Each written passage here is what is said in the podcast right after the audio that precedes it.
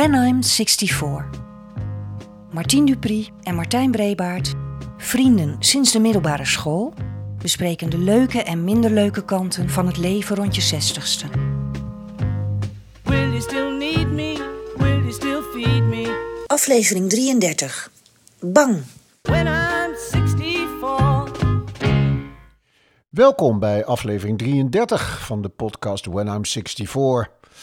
Het is eh, voor het eerst volgens mij donker, Martien, wanneer wij beginnen met de opname. Het is stekendonker. Steken donker, hè? Ja, Heb je de kachel al aangehad?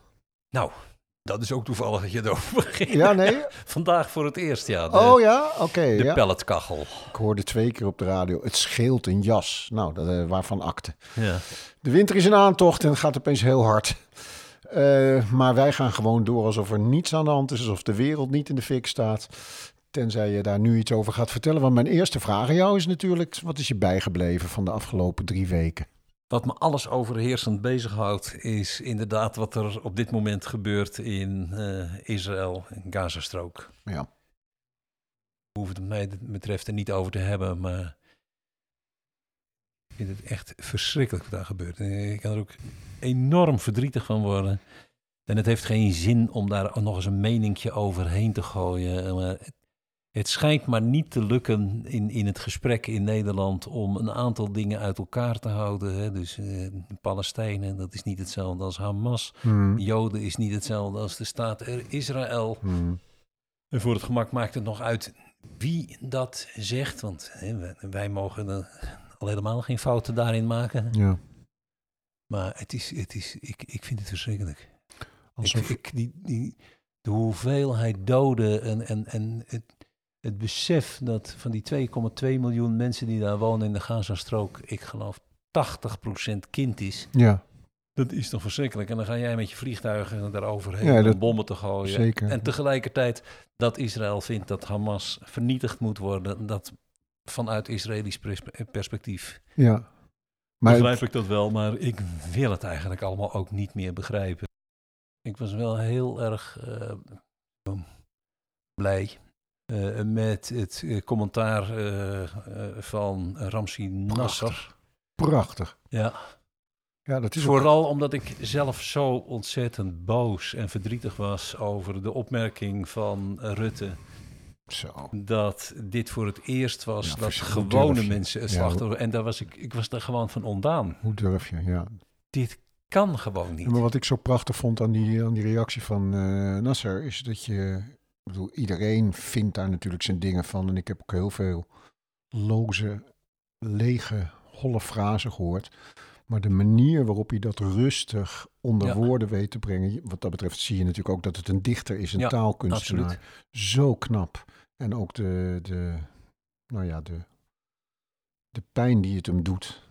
Dat zag je ook. Zijn, bij, bijna tot tranen toe. Ja. Ja. ik vond het echt heel indrukwekkend. Heel Dus indrukwekkend. goed, het is gezegd. ja, En daarmee de, de vraag aan jou. Heb jij iets Ja, meegemaakt? nu wordt natuurlijk alles wat ik vertel enigszins futiel, maar eh, ja, het, het, Ja. Gaat, het gaat ook gewoon verder. Ehm, kun je je nog herinneren, Martien, dat wij het in een eerdere aflevering over de of het HOVO hebben gehad? Ik zou zomaar durven te zeggen dat dat een derde aflevering was. Oh, dat zou best kunnen. Ik Ja, zal het ja, nakijken. maar vierde, HOVO ja. Ja. staat voor? Hoger onderwijs, eh, nee, Ja, ja, ja, hoger ja, onderwijs voor ouderen. Ja, heel goed. Ja, ik moest het even opzoeken. Eh, nou ja, het leuke is, ik heb deze week samen met Jacqueline voor het eerst een HOVO-studiedag bijgewoond. We werden beide getriggerd door de titel eh, van historie naar hedonisme, de cultuur van het wijn drinken. Kijk, En Jacqueline die mailde bij mij van, je hebt toch een wijncursus gedaan, is dat niet wat voor jou? Nou, wij dus eh, de hele dag naar de VU om naar een studiedag eh, te volgen. Hele leuke, hele leerzame dag. wacht maar even, waarom- dit was een, een, een cursus van een dag. Ja. Dus, ja, ja, oké, Ja. ja. Van een hele leuke dag, maar waarom ik het je nu vertel, omdat er, er gebeurde nog iets anders. Eh, zelf ben ik natuurlijk als conservatoriumstudent nauwelijks op de vuur op de Boelenlaan geweest. Nee. Jij hebt daar waarschijnlijk aanzienlijk meer ja, voetstappen liggen dan ik. Eh, dus ik liep daar rond en toen dacht ik, aan mijn zoon David, die daar natuurlijk vrijwel dagelijks loopt, omdat hij daar studeert. Ja. En ik dacht, weet je wat, ik, eh, hij kent het gebouw helemaal goed natuurlijk. Ik stuur hem als vader een, eh, een, een foto van de uitzicht op de achtste etage. Ja, Nou, ik had die foto nog niet gestuurd. Of ik kreeg onmiddellijk een app terug. Hé hey, pa, je bent op de VU. Wat Ja, doe je daar nou? Dus dat voelde echt als twee generaties die verenigd werden door de Vrije Universiteit.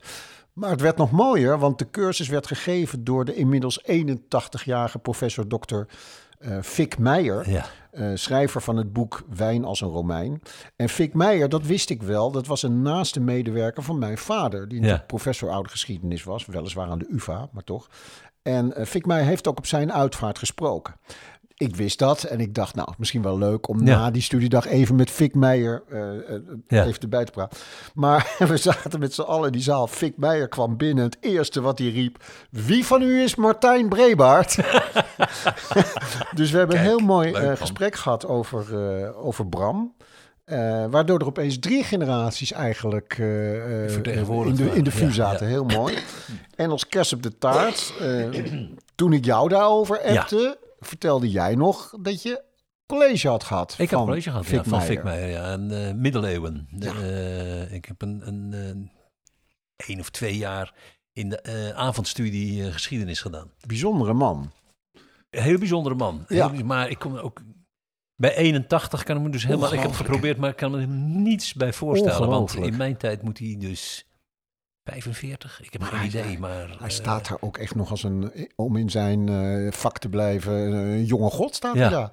Ik denk van, nou ja, dat is wel... eh, maar hij is ook een bevlogen docent gewoon. Ja, en maar- bevlogen schrijver ook. Want, als de didactiek mij zo blijft boeien, dan kan ik nog altijd tot, mijn, tot laat, op latere leeftijd, maar kan ik nog dit soort maar dat dingen. heb ik al zo vaak tegen gezegd.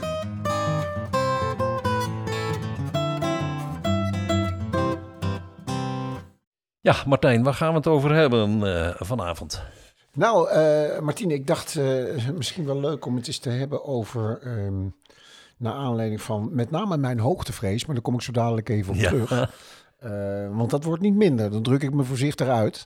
En toen was ik eigenlijk wel benieuwd, heb jij ook van dat soort angsten? En in hoeverre heeft dat met ouder worden te maken? En toen dacht Ik, ik, heb- ik misschien heb is wel angst dat ik van de trap aflazen. nou ja, of, eh, bijvoorbeeld dat krijg dat. ik ja, steeds meer. En, en die angst had je misschien ook wel toen je 16 was. Nee. Maar als je 66 bent, Ja. is het toch anders. Ja. Dus ik dacht, dat is wel een leuk om daar even over te praten. Laten we het niet te zwaar maken. We gaan eerst weer een lekkere opsomming maken van waar we allemaal bang voor kunnen zijn.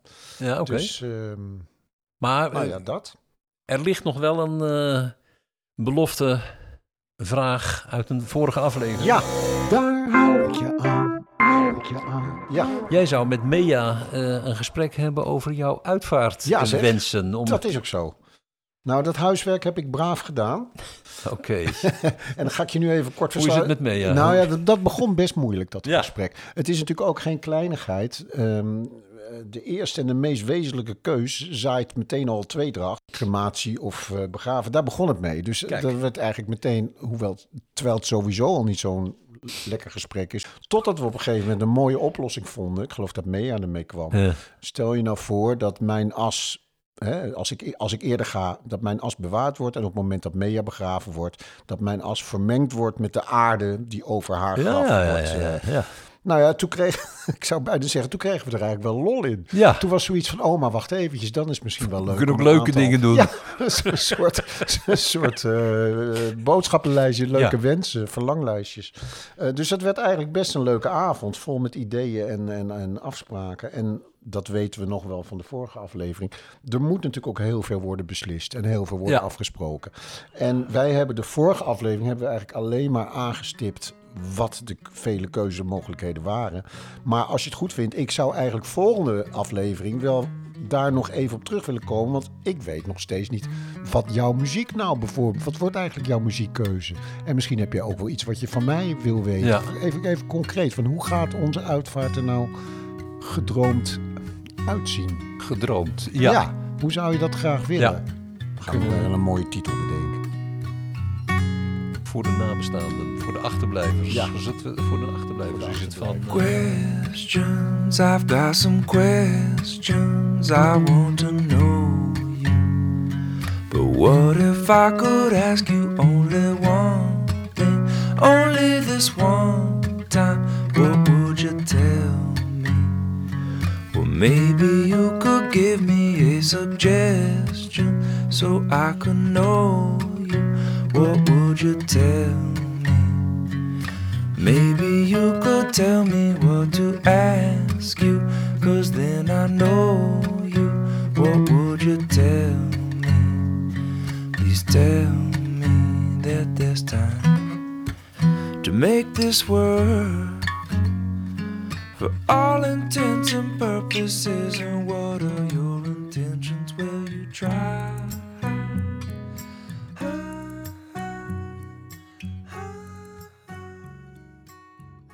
Goed, angsten gaan we het over hebben, Ja, eh, bang. Martijn. Bang, bang. Bang. En, en Waar zijn we ook, bang voor? Ja, ik, ik heb niet zoveel dingen waarvan ik zelf, althans toegeef, weet dat ik eh, er bang voor ben. Oh, wat heerlijk. Maar ja, dat weet ik niet. Eh, Oké, we gaan eh, we maar laten we, het, laten we het erover hebben. Ja, want eh, jij hebt last van. Eh, Zo, hoogtevrees. Mag ik dat als Hoogtevrees. noemen? Ja. Nou jij. Ik ben bang voor vergeetachtigheid. Ik ben de laatste tijd ontzettend slecht op eh, woorden komen. Oké. Ja. Eh, bang voor donker ben ik eh, sinds enige tijd. Ik slaap met licht aan. Ehm, ik ben bang dat ik steeds asocialer word. Goed, eh, ik ben bang voor eenzaamheid. Ja, en ik ben bang dat ik niet zo goed tegen die eenzaamheid zal blijken te kunnen als ik nu denk. Ik ben bang voor, nou la, laten we het zeggen voorzichtig zeggen. Ik, ik, ik word iets banger, merk ik, op de motor in het verkeer. Ehm, ik ben bang dat je er straks niet meer toe doet. Ik ben bang voor water. Ik kan niet zo goed zwemmen. Ik ken mensen met vliegangst. Heb ik niet, maar... Nee, heb ik ook niet. Maar Mea heeft het. Dat is echt, eh, die, die wordt helemaal gek ervan. Marian had het en is er zo van afgeholpen. Maar we hebben ook nog geen beesten genoemd, hè? Enge beesten. Spinnen. Ik, ik heb sowieso ik, ik heb een hekel aan, aan, eh, aan beesten in het algemeen. Nee. Nee, ik ben geen dierenvriend, dus ik, Maar niet bang. ik probeer ze te ontwijken, zullen we maar zeggen. Ja, nee. Ik ben bang eh, voor waardevermindering van het geld. Ik ben bang als de dood voor de gezondheid van mijn kinderen. Vanaf het moment dat die jongens geboren zijn en ik hoor een ambulance, is het eerste waaraan ik denk: God, er zal toch niks met David of Milan zijn. Ik ben bang voor de ziekte van de partner van Marian. We hebben nog geen van beiden de angst voor de dood genoemd. Dat vind ik toch wel Nee, frappant. dat is net zoals de, de angst voor dat er iets met de kinderen of de kleinkinderen gebeurt. Dat is blijkbaar te groot. Ik heb dat geblokt. Wat heb je geblokt? Oh, is dat het? Ja. Ik heb dat, of ik ontken het. Ik ben bang dat je steeds minder stabiel wordt. Ik, eh, ik moet tegenwoordig de leuning vasthouden bij de trap afgaan. Niet omdat, ik, niet dat ik val, maar ik ben gewoon bang om te vallen. en ja. datzelfde heb ik met ochtends sokken, aan, sokken aantrekken. Oh, sok, ja. Is gewoon een heel gedoe. Ja, ik dacht laatst ik moet even mijn, mijn mijn teennagels knippen. Maar daar heb je god beter in. Moet je, moet je een avond voor vrij nemen, man. Voordat je dat Behandelstoel. echt niet normaal. Nee. Dat heb ik sowieso wel hoor, want nu heb ik het eventjes over fysiek, wat natuurlijk achteruit gaat. Maar ik ben ook bang dat mijn hoogtevrees is daar wel een voorbeeld van, maar dat oorspronkelijke angsten steeds groter worden. Dat Ik- lijkt me heel vervelend. Ja, ik kan ook wel een paar angsten bedenken die, die minder zijn geworden. Weet je wel, dat je op een gegeven moment, dat je aan een jaar of tien geleden dacht ik nog van, ik wil dat, dat mijn leerlingen allemaal mijn briljante leraar vinden. Ja. Dat kan me allemaal niet meer schelen. Maar er zijn ook wel angsten die groter worden naarmate je ouder wordt. En die zijn meer particulier. Ja, Die- denk ik wel. Nou, ik weet van hoogtevrees, dat, dat, daar hoor ik van meer mensen, dat dat heftiger wordt naarmate je ouder wordt. Jouw angst voor eh, instabiliteit is natuurlijk bekend. Ik bedoel, Ja. dat, daar herken je een bejaarde ook wel ongeveer aan en de manier waarop hij loopt. De angst om te vallen, toch? Ja. Zo zie ik jou nog niet lopen hoor. Ik, moet het, eh, ik, ik wou net zeggen, ik moet even denken aan de president van eh, Joe Biden. Ja, weet je waar ik de laatste tijd zo bang voor ben? Of het de tijd is, of het de zorgen zijn. Mijn haren vallen uit. Ik loop van hot naar haar, van specialist naar therapeut. Ik had bij vier organisaties peperdure transplantaties. En het blijft maar bar en boos. Ik hou met al die instituten en bureaus. Roos. Schijnt mijn hoofd al door mijn haar heen. Oh, wat raak ik door mijn haar heen. Elke nacht lig ik te dromen, zie de maan schijnt door de bomen. Elke morgen schep ik moed en ik wandel zonder hoed. Maar zie ik Klaas of Kees of Koen, dan zak ik eigenlijk het liefst door het trottoir heen. Schijnt mijn hoofd al door mijn haar heen. Wat kan ik daaraan doen?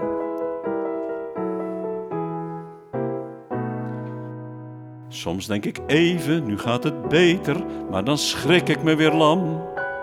Van die schilfers op mijn schouders, van die haren in mijn kam. En met grote blote flappers zing ik, arme, arme kappers, jullie zien het allemaal. Ik blijf geen klant, van strakjes ben ik radicaal, kaal. Schijnt mijn hoofd al door mijn haar heen. je hoofd schijnt door je haar. Oh, wat raak ik door mijn haar heen. Oh, wat raak je Elke nacht lig ik in tranen, zie de maan schijnt door de manen. Elke morgen schep ik moed en ik wandel zonder hoed. Maar zie ik Jannie of Jeroen, dan zak ik het allerliefste door de boulevard heen. Schijnt mijn hoofd al door mijn haar heen en wat kan ik daaraan doen?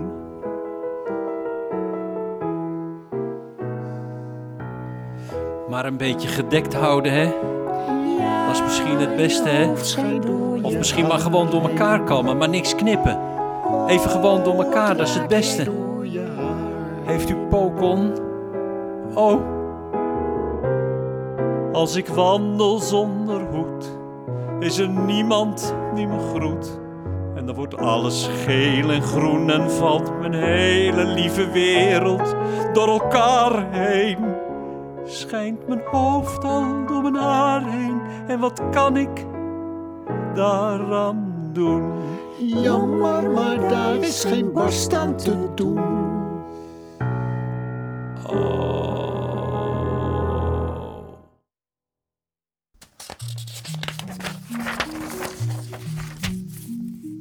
Brief aan mijn vader.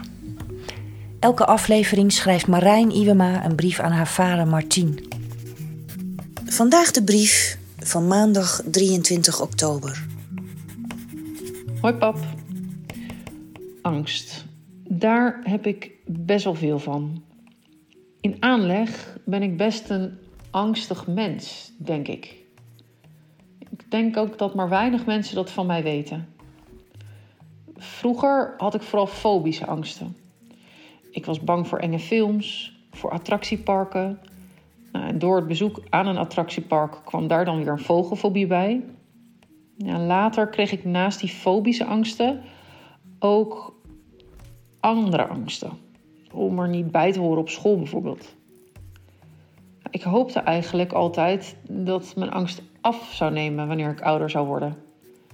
Maar tot nu toe merk ik dat mijn angsten vooral evolueren of veranderen, maar niet per se afnemen. Waar ik vroeger vooral fobische angsten had, ben ik nu vooral heel angstig voor verlies. Verlies van hoe het leven nu is. Angst dat de kinderen niet iets overkomt. Ik zie bij cliënten die weer net iets ouder zijn dan ik, veel angst om ouder te worden. Gerontofobie wordt dat genoemd. Angst om af te takelen voor de eenzaamheid.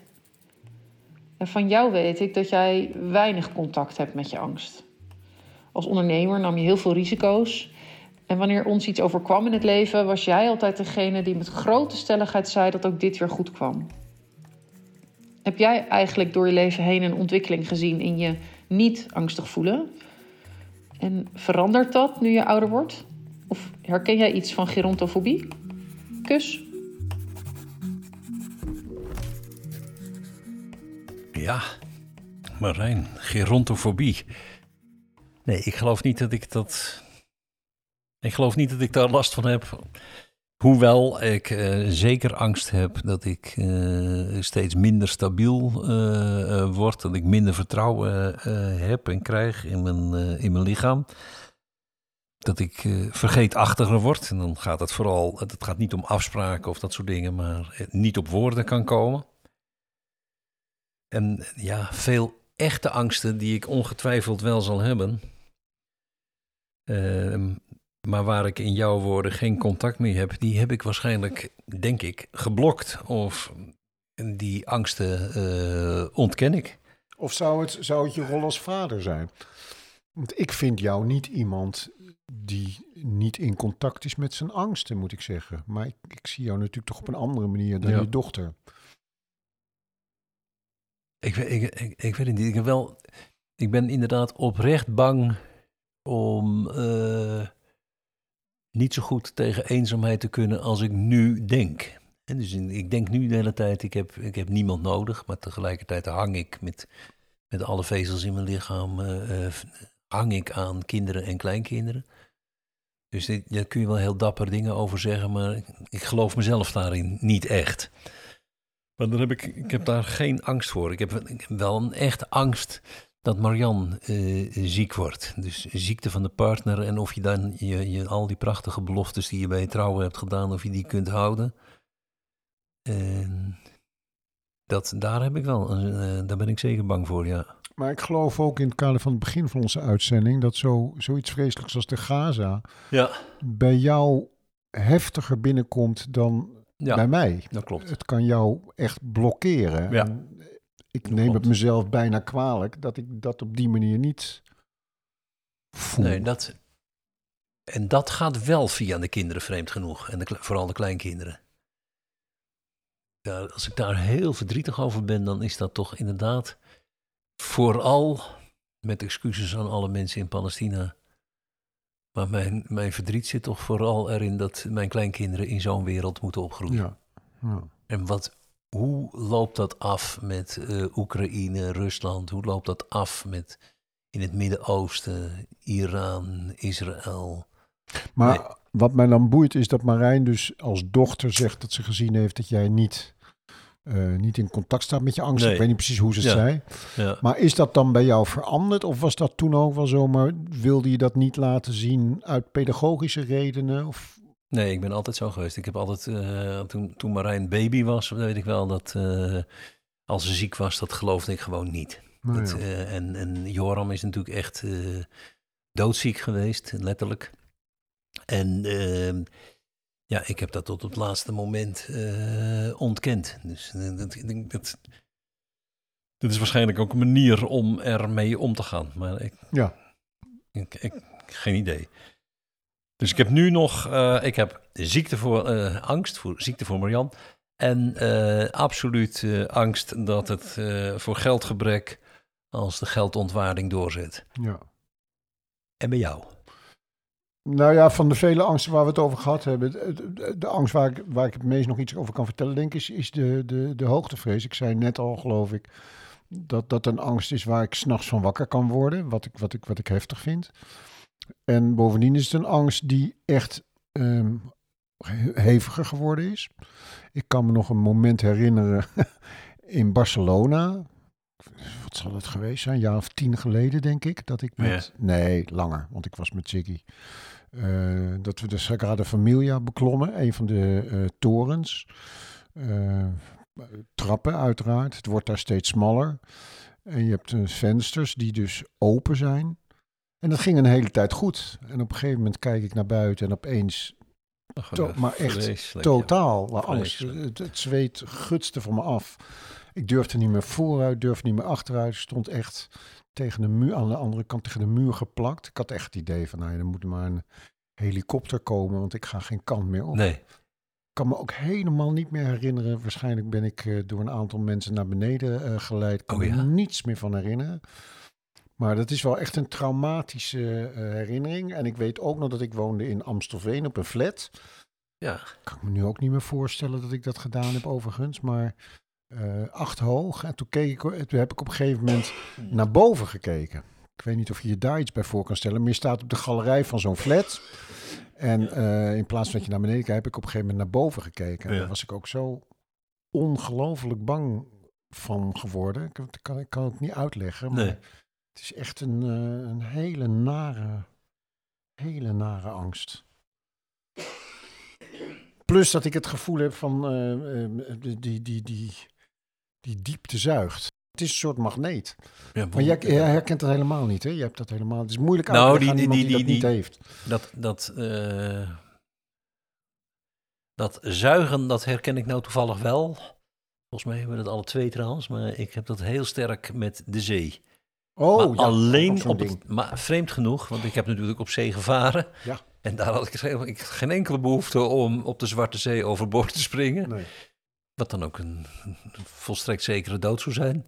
Maar de, de- de- nee, ik heb het gewoon op het strand. Dus ik kan naar eh, de zee kijken. En die zee die trekt enorm. Ja, ik zou er zo in kunnen lopen, ja. En nooit meer terugkomen. Ja. Ik Ja. doe het niet. Maar die, die, die zuiging van, van, van nou in dit geval dus van de zee, dat herken ik wel, ja. ja, zonder dat het iets te maken heeft met ik wil er een eind aan maken. Nee, Dat in het is geheel niet. heel Nee, anders. nee. Nee. Ja, oké. Maar jij wordt wakker vanwege de hoogtevrees. Maar hoe, hoe, hoe uitzicht dat?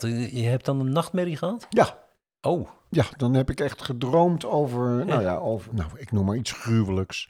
Eh, de Fernseetour in eh, Berlijn bijvoorbeeld. Als je daar, als je daar Ja, staat en je kijkt naar beneden. Ja, daar kan ik, als ik daar s'nachts toevallig over droom, dan, dan word ik daar wakker van, badend in het zweet. ja, ja. Ja, het is heel, Ik- ik, ik- heel ik-. Ik, ik geloof niet dat ik echt hoogtevrees heb, maar ik herken wel het knikkende knieën, last van de maag en zo, allemaal heel vervelend. Wij moeten nodig, bedenk ik ineens, naar de St. Paul's Cathedral. Daar heb ik eens een keer met Marian en volgens mij met eh, twee oudste kinderen, dat weet ik niet meer, maar misschien alleen met Marian. Daar kun je eh, ehm, in de koepel.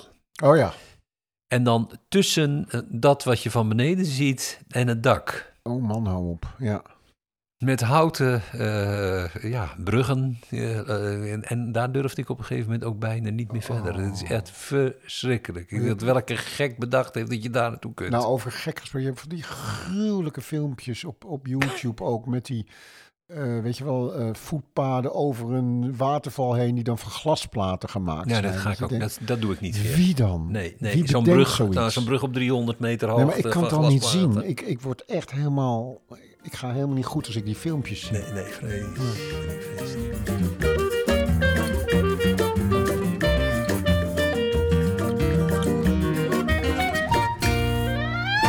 Ja, kom op, voordat we nou helemaal wegzakken in eh, eigen angsten en, en eh, fobieën, gaan we eens even naar een expert op dit gebied. En eh, da- die hebben wij. wij Coot eh koketteert met haar claustrofobie. En volgens mij heeft ze nog meer angsten.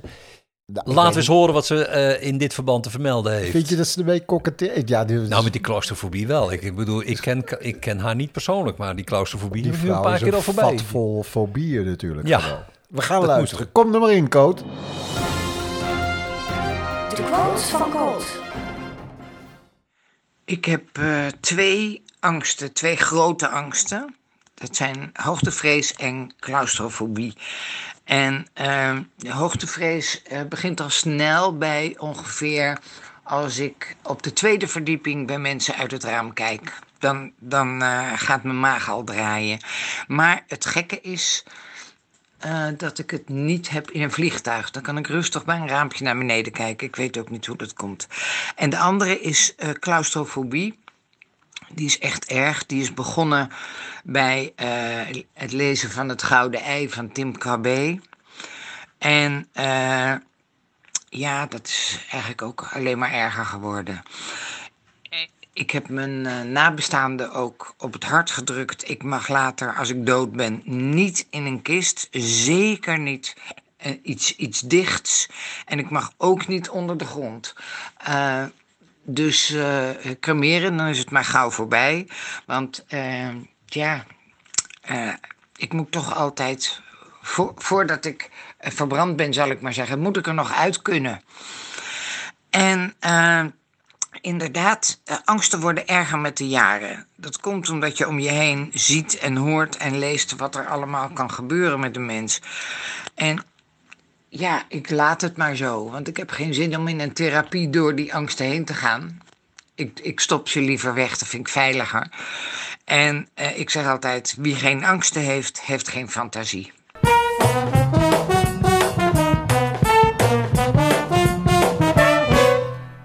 Nou, Martien, nou hebben we zoveel eh, angsten eh, f- en, en, en, en fobieën voorbij zien komen. Ehm, ik ben uiteindelijk wel heel benieuwd. eh, zou er nou wat aan te doen zijn? Ben ik te genezen van mijn hoogtevrees? Ik noem maar wat. Ja, dus, toevallig dat je het zegt. Maar ik sprak Marijn, hè, de dochter, Ja. Ehm, die eh, vertelde, het verbaasde mij over, eh, dat wist ik ook niet, dat jouw angst voor het donker nog bestond. Ja, ook ja. En toen eh, zei ze tegen mij, oh maar aan die angsten van Martijn, dat zijn enkelvoudige angsten, noemen wij psychologen dat. Daar kan Rickert zoiets aan doen hoor. Dus eh, Oh ja? ja, we kunnen hem nu bellen. Rickert. Lang geleden dat we iemand gebeld hebben. Daar hebben we nog een jingle voor. Die pak ik ook nog wel Heb je die? erbij. Ja, ja, ja. ja. Ring ring. Are you there?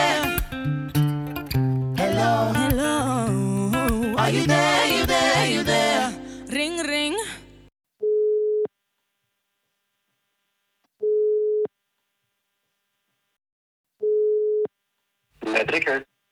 Ja, Rickert, hoi, met Martien. Eh, ja, hoi. Wij, eh, Martijn en ik is dat, wij. Wij zijn bezig met de 33ste aflevering eh, met als thema angst. Ja. Bang zijn voor. Angst voor donker, geen licht en hoogtevrees. Is er aan dat soort angsten sowieso iets te doen, Rickert? Ja, als je het hebt over dat soort eh enkelvoudige angsten, specifieke fobieën heet dat officieel. ehm, daar is wel relatief eenvoudig eh, iets aan te doen. En eh, nou ja, dat is niet altijd succesvol, maar wel, maar wel vrij vaak. Betekent enkelvoudig in dit verband, Rickert, dat het, dat het één richting op gaat of zo? Dat er niet meerdere angsten door elkaar heen spelen? Is dat wat ik moet horen? Ja, en dat, het, dat het niet, ja, dat het ja, niet een, een hele complexe, eh, ingewikkelde angst is, maar angst voor, voor één ding eigenlijk. Hè, en het kan best zijn dat je ook voor andere dingen bang, bang bent, maar dat heeft hier dan niks mee te maken, zeg maar. Hè, dus, dus je bent bang voor een hond, ben bang, je bent bang voor honden bijvoorbeeld, of je bent bang voor spinnen, of je bent bang voor eh, nou ja, hoogtes Ja. enzovoort. En, en, en wat, wat doet de therapie dan? De, de, de angst wegnemen of, of eh, de, de, de angst naar achteren drukken in, in eh, prioriteit? Ja, en dat, dat laatste denk ik, ja. Hè, dus wat, wat we weten is dat er eh, ehm, angst in principe, de angst een beetje verschillend per angst. En sommige angsten zijn een beetje, eh, nou ja, als een soort hardware, hè, evolutionair in ons eh gehardwired, zoals spinnen of slangen, die vinden mensen al gauw eng, zeg maar. Ja. Eh, zonder er eigenlijk iets voor hoeft gebeurd te zijn. Ja. Maar de meeste ehm, angsten zijn voor dingen die, die objectief gezien hè, niet angstig zijn. En er moet er iets gebeurd zijn die, die eigenlijk een onschuldige eh, prikkel, een, angstige prikkel heeft gemaakt, zeg maar.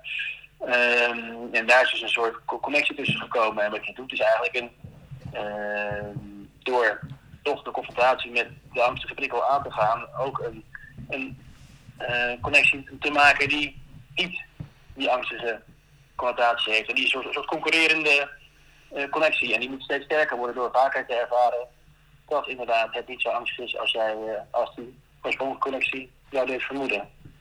Ja, dus de vraag is ook een beetje, ben je bang voor hoogtes of is het meer de angst voor de angst, zou ik zeggen. Dat is de angst voor de paniek die dan ontstaat. Als je mij zou dwingen om daar langer te staan, dan spring ik. Dat, dat, Ja, dat, die hoogte zuigt. En is dat dan omdat alles, als die angst maar afgelopen is? Of weet je, het, heeft, het heeft niets te maken met dat ik dan een eind aan mijn leven wil maken. Daar gaat helemaal niet om. Maar er gebeuren wel rare dingen. Dat ik denk van, ik, ik moet daar niet lang blijven staan. Nee, dat is, dat is wel een bekend fenomeen hoogtevrees hoor, inderdaad. De, de, de zuigende diepte, ja, die, die, die, hoor ik, eh, die horen we wel vaker. En ja, volgens mij, ik heb het idee, want ik heb zelf ook een beetje hoogtevrees, dus ik kan er een beetje over meepraten.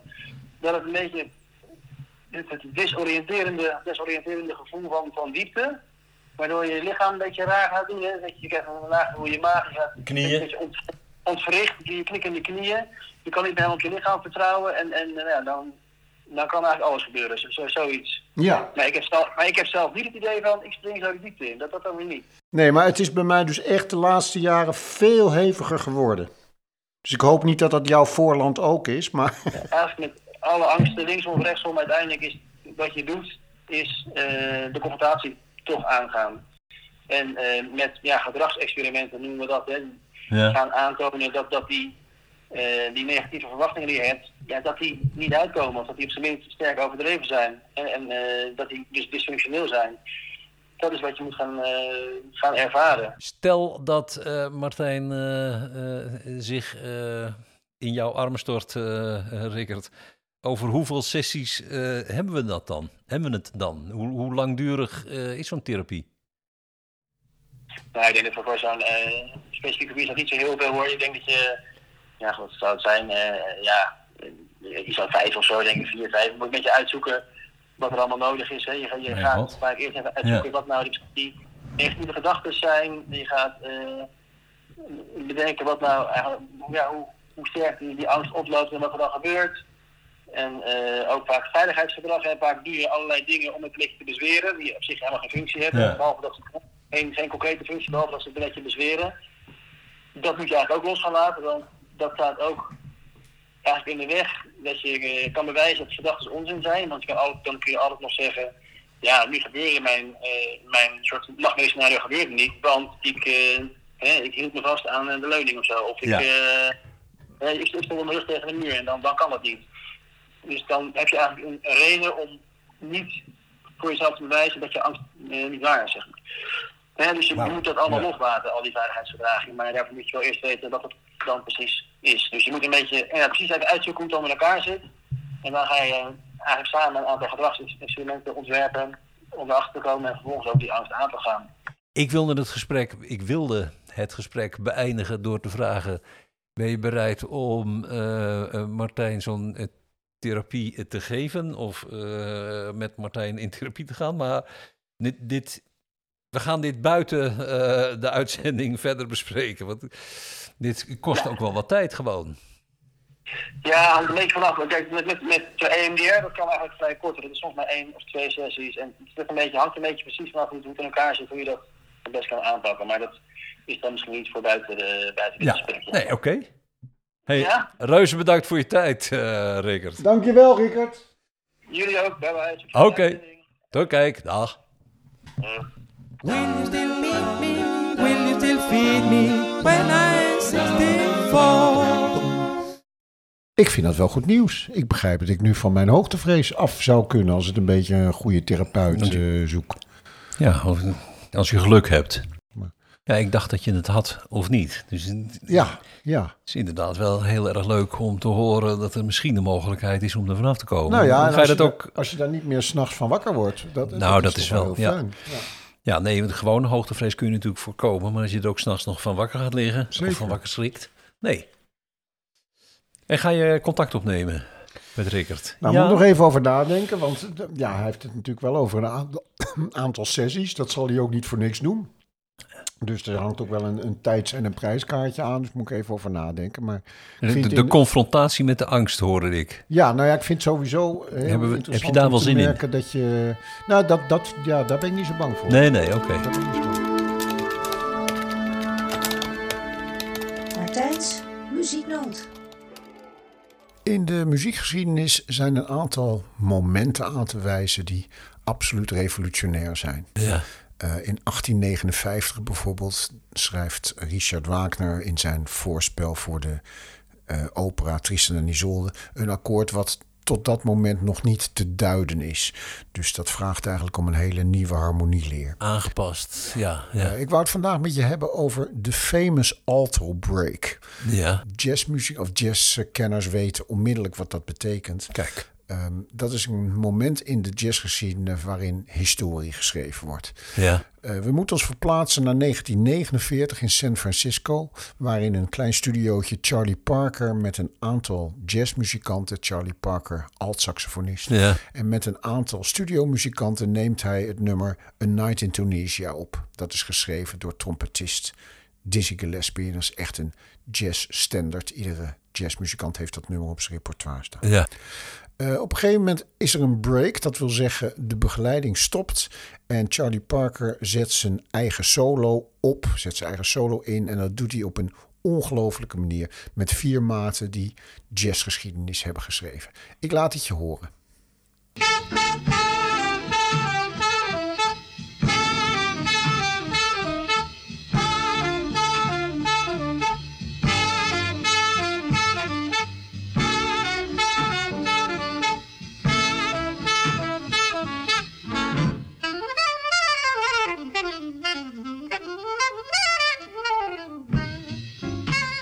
Vier maten briljante virtuositeit. Charlie Ja, Parker. ja. Later door heel veel mensen natuurlijk geprobeerd met te noteren. Hij heeft het hier allemaal geïmproviseerd. Op YouTube kun je versies van deze famous alto break vinden voor eh, trombone, voor viool, noem allemaal maar op. Nou, vooruit. Nog één keertje dan.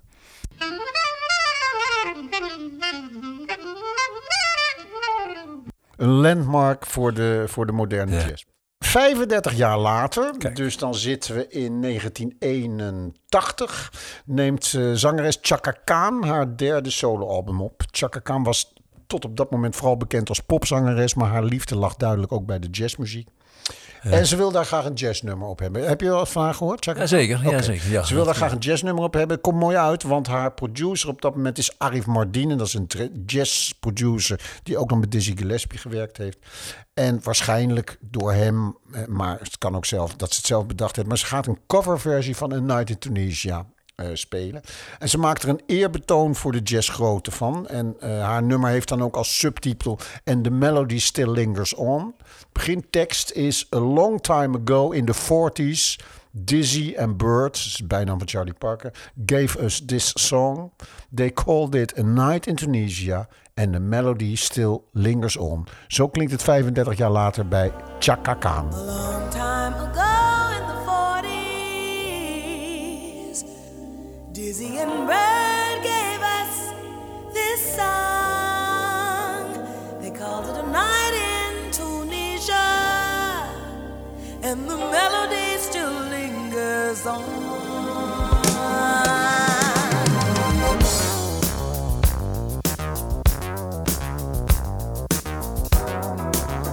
Nou, andere tijd, ander geluid natuurlijk, jaren Ja. 80. Eh, maar het leuke is dat die producer, Arif Mardim, die kende zijn klassiekers. En die zei tegen Chaka Khan van, ja Chaka, als je dat dan gaat doen... dan moet je eigenlijk die fameuze Charlie Parker break er ook invoegen. Ja. Nou, Charlie Parker was, lag natuurlijk al lang eh, diep onder de zoden. Eh, en nu zou dat een fluitje van een cent zijn. Toen was het wel wat ingewikkelder. Maar die oorspronkelijke break van Charlie Parker... hebben ze dus in dit nummer gestopt.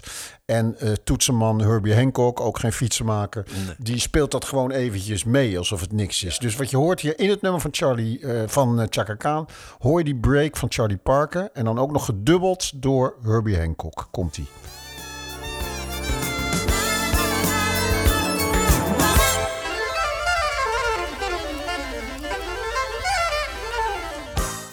Ja, mooi hè? Ongelooflijk. Ja. En alsof dat dan niet genoeg is, en daar maak ik het verhaal mee rond. Ja. Eh, toevalligerwijs was Dizzy Gillespie op dat moment ook in de buurt. En diezelfde Arif Mardim, die heeft Dizzy Gillespie gebeld en gezegd... joh, er zijn nu een aantal jonge eh, honden bezig met het opnemen van jouw nummer. Nieuw jasje voor jouw nummer, Night to Tunisia. Misschien vind je het wel leuk om even te komen luisteren. En eh, heel toevallig had hij zijn trompet bij zich.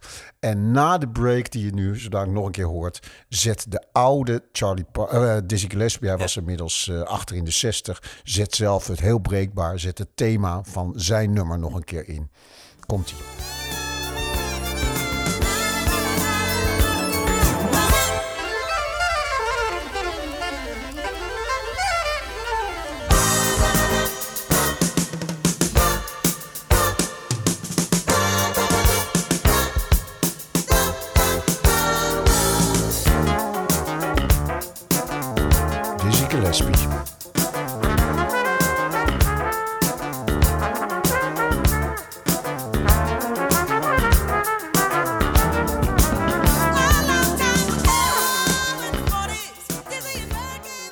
Toch? Prachtig. Bijna ontroerend. Ja, ja, Die zeker. oude man dat het thema dan nog even speelt. Geweldig.